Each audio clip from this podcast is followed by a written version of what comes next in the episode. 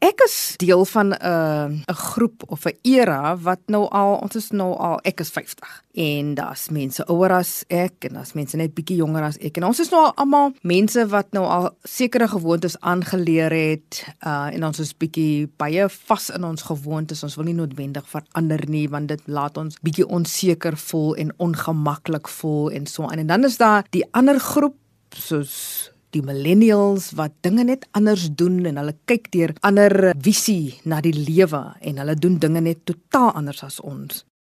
En dan is daar hierdie ge generasie gaping.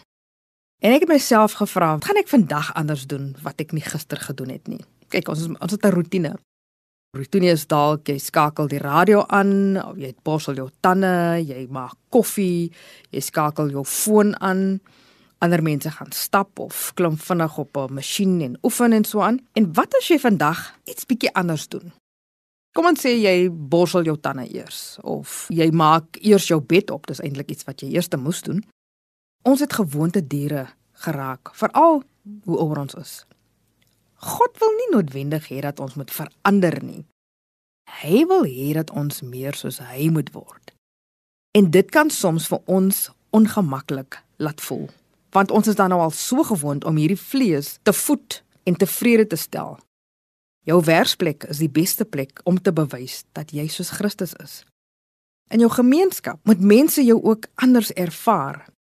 Hulle moet so geseën wees deur jou optrede en dit wat jy vir hulle toon en dit moet hulle dan trek na Jesus Christus.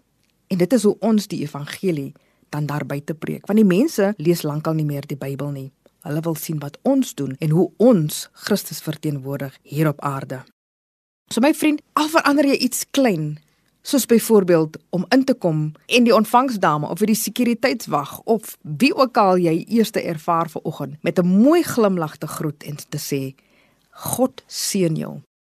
Of mag jy 'n wonderlike dag hê. Spreek net iets positief in hierdie persoon se lewe. Hulle gaan dalk aan die begin dink jy's bietjie van loetjie getik, maar dit maak nie saak nie. Jy het liefde gesprei. Jy het liefde gesaai en dit gaan hulle bybly vir altyd. En hulle gaan jou vra, hoorie, waaroor gaan jy nou eintlik? Wat gaan aan? Hoekom is jy altyd so opgewek? En dan kan jy begin deur te praat van wie die persoon is wat jou lewe so verander. Here, laat ons toe om 'n lig te wees vir die wêreld daar buite. Amen.